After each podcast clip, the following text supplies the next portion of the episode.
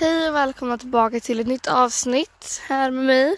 Ja, um, ja det var ju ett tag sedan senaste avsnittet spelades in.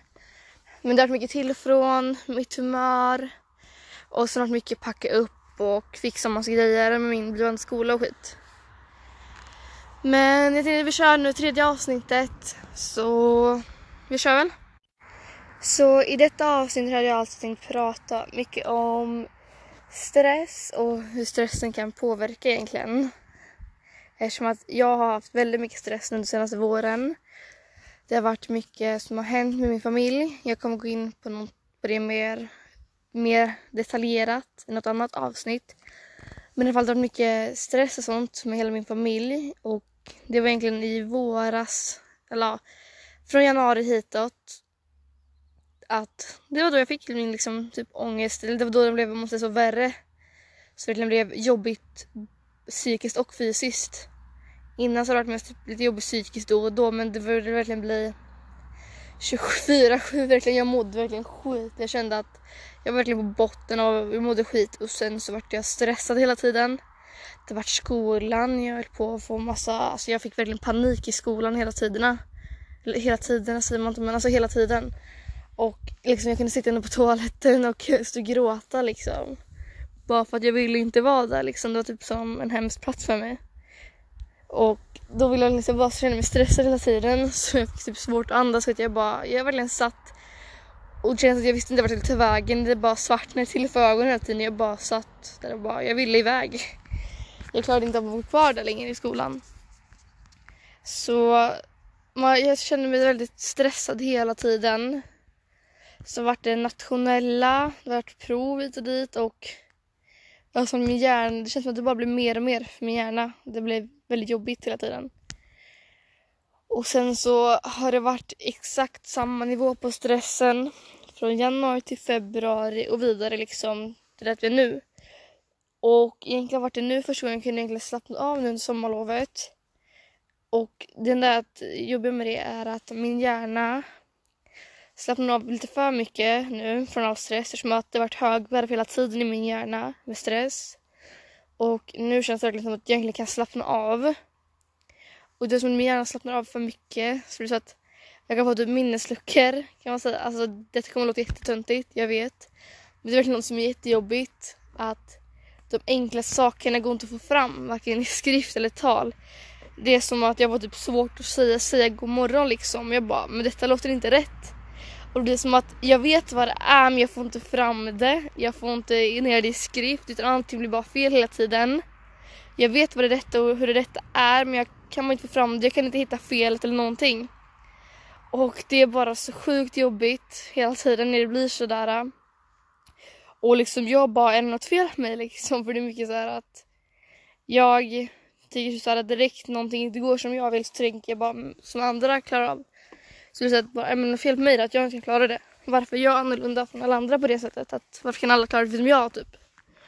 Och då blir det mycket sånt där, det blir ännu mer stress och ännu mer jobbigt. Och ja, så det där är väldigt jobbigt också med stressen att du stressar för mycket under en för lång period. Sen när du väl slappnar av liksom, då blir det så. Då kan det bli mycket jobbiga grejer för hjärnan som verkligen förstör för hjärnan och förstör för dig själv. Liksom, du kan inte klara av att skriva eller prata. Det blir som att du helt typ, alltså du nästan stammar fram det för du får inte fram någonting annat. Du bara, eh eh eh, liksom för du får inte fram något annat än bara typ, alltså, ja du får fram vissa bokstäver men du får inte fram några hela ord som du vill egentligen förklara med. Och det är väldigt, väldigt jobbigt. Och det har jag haft nu på senaste tiden och det är verkligen jobbigt. Du får inte fram någonting. Om du ska till telefon. Du blir bara helt eh, typ. Och det var helt konstigt för din hjärna. Så det här var stressen typ och hur, hur man kan typ, hjärnan kan reagera och sånt. Men det var inte det enda jag tänkte prata om utan det var mest, det var en grej. Jag tänkte prata om två grejer. Eftersom att det gjorde i senaste avsnittet också. Det var två olika grejer. Och nu det andra hade jag tänkt prata lite om om självskadebeteende. Eftersom att jag vet för många så är inte det lätt med självskadebeteende. Typ, alltså man, man vill inte prata om det med någon utan det är som att man skäms över vad man själv har gjort. Och det vet jag speciellt hur det är eftersom att jag har gjort det. Och det har varit väldigt jobbigt. Liksom, du typ ångrar dig nästa sekunden efter du gjort det. Du gör allting för att gömma dig för du vill inte att folk ska tycka dåligt om dig. Du tycker att, för många i samhället är det så att man dömer oftast att nej, häng, inte med, häng inte med människor som är deprimerade eller sånt och skär sig själva. De är inte bra liksom. Så då vill man heller inte berätta för någon hur det är. För man är rädd att man ska bli dömd liksom. Inte dömd, dömd utan typ att folk ska döma dig. Att de inte vill vara med dig längre, typ att de typ slutar ut dig. Då vill du inte heller berätta för dina föräldrar eller någonting oftast. För det blir, typ, det blir bara jobbigt för dig att berätta för någon. Och egentligen, nu vet jag inte hur det är för alla, men för mig blev det så här när jag gjorde det första gången. Jag mådde sjukt dåligt psykiskt. Och det var bara som att jag kunde se allting som hände. Fast känslan blev svart för mina ögon. Jag kunde fortsätta se allting som hände. Men jag kunde inte kontrollera det som hände. Och det är bara sjukt jobbig känsla. Det var som att man bara gick, tog fram det man skulle skära sig med liksom. Och sen hände det. Du kände ingen smärta eller någonting som du gjorde utan sen så typ är det som att du vaknade upp nästan kan man säga. Och du verkligen bara, men gud vad har jag gjort med mig själv? Och du bara, varför gjorde jag detta liksom? För du ångrade typ bara sekunderna efter du gjorde det. Så det blev som att varför, varför, varför? Och det är en så jobbig känsla. Du vet inte vart du ska ta vägen. Du vet inte vad du ska berätta för någon. Hålla det för dig själv. Du vet inte vad folk kommer tycka om dig. Du vill bara gömma det och vill inte att någon ska veta om det. Och liksom det börjar svida och göra ont efteråt och du vill verkligen typ bara varför gjorde jag detta? För att direkt kommer vatten på att du står i duschen, då svider det. Du känner bara smärta liksom. Och det är så sjukt ont efteråt liksom. Och speciellt om det har gått så långt att det börjar verkligen blöda ordentligt. Då gör det sjukt ont. Och sen så vet du, sen så har vet du också att de där ärren kommer du ha för resten av dina liv liksom. Det är nästan det värsta med det. Du vet inte hur snabbt de kommer gå bort. Du vet inte när de kommer gå bort, ifall de kommer gå bort eller hur länge de syns verkligen tydligt.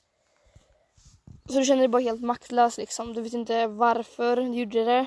Du vet inte hur folk kommer reagera och hur de kommer reagera. Och du vet inte, du vet inte, alltså du känner dig bara helt maktlös. Du vet inte vad du ska göra. Du vill bara typ försvinna, gräva ner ditt hål liksom. Och bara stanna i i hålet tills allting, tills allt jobbiga känslor att det gått över liksom. Och det är nog den värsta känslan av dem. Att när du bara vill vara ensam. Du sitter och gråter om kvällarna liksom, du vill bara vara ensam liksom. Du vill inte vara med någon. Men samtidigt känner du dig ensam. Fast du vill vara ensam. Och det blir också jobbigt. Det med. Och speciellt om man inte har någon som till exempel stöttar en, då blir det tio gånger jobbigare också. För då står du ensam med allting, du har ingen att prata med dem, du har ingen att kunna ventilera det om. Och då känns bara allting skit. Sen så när man väl pratar med folk då visst då blir det bättre men det är fortfarande som att det släpper helt. Även om det kan vara, jag tycker själv att det är väldigt bra att prata med folk om det. För det var det som hjälpte mig i början. Eh, sen slutade det hjälpa då. Eh, men det hjälpte faktiskt i början. Och bara lätta på det lite grann och sådär. Och veta att man alltid har någon att prata med. För det är det värsta, jag vet att du inte har någon att prata med. Så ja, det har varit jobbigt liksom. Men sen när man hittar de rätt att prata med då blir allt mycket enklare. Så tack för detta avsnittet. Jag vi lyssna på detta avsnittet heter det. Ehm, och hoppas ni gillar det. Så hörs vi väl snart igen I guess.